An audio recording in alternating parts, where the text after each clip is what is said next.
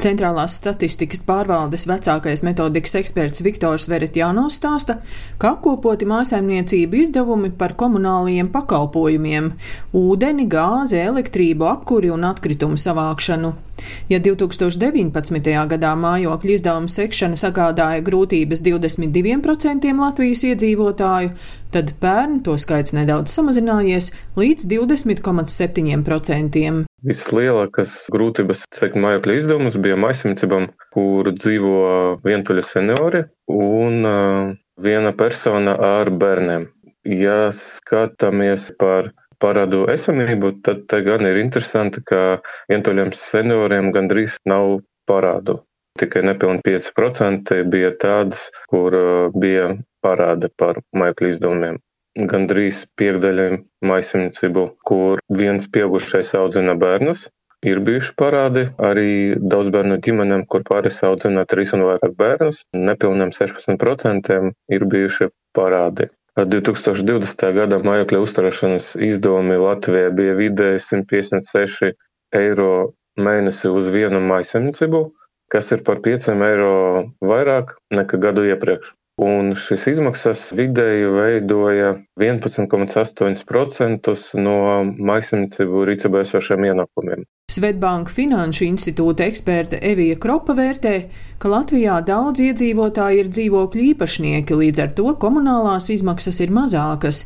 Ja nekustamais īpašums tiek īrēts, tad izmaksas ir lielākas. Absolūti mazāka daļa ir tādi, kas īrē mājokli, bet, protams, Rīgā tas īres tirkus ir krietni, krietni vien lielāks. Un, ja skatās mājokļa kopējās izmaksas pie dažādiem scenārijiem, proti, kad salīdzinām to ar īrētu mājokli vai arī mājokli, par kuru tiek maksāts hipotekārais kredīts, tur tas izdevuma apmērs pieaug krietni, pat līdz trešajai daļai no ienākumiem ir jāatvēl mājoklim, ja par to ir jāmaksā īra vai hipotekārais kredīts. Bankas citadela ekonomists Mārtiņš Āboliņš vērtē, ka mājsaimniecībām nedaudz vieglāk sekt komunālos maksājumus, jo palielinās ienākumi.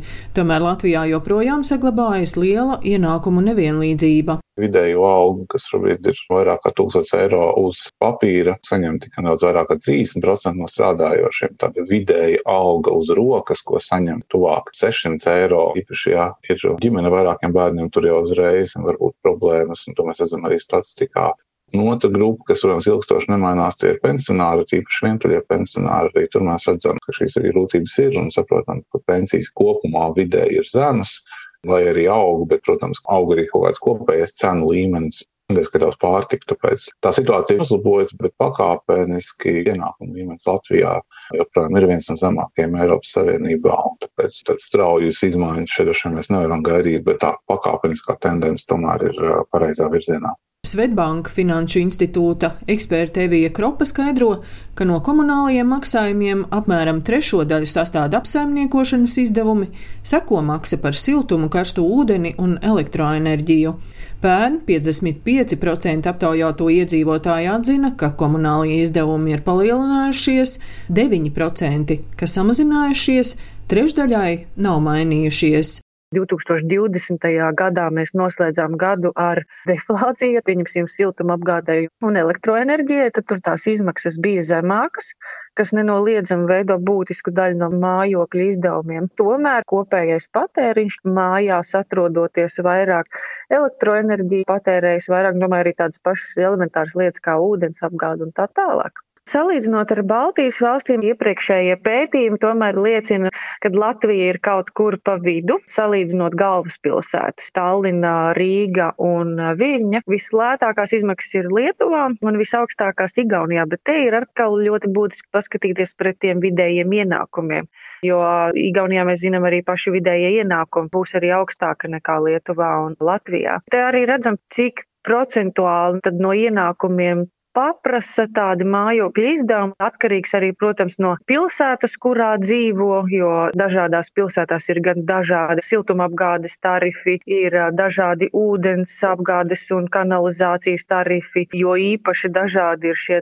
atkritumu izvešanas tarifi, kas arī īstenībā ļoti būtiski samazina vai palielina kopējās mājokļu izmaksas. Vislielāko daļu no ienākumiem mājsaimniecības tērē pārtikai, seko mājokļu un transporta izdevumi. Mājoklim viena mājsaimniecība tērē 10 līdz 15% no ikmēneša ienākumiem. Dāna Zalamane, Latvijas radio.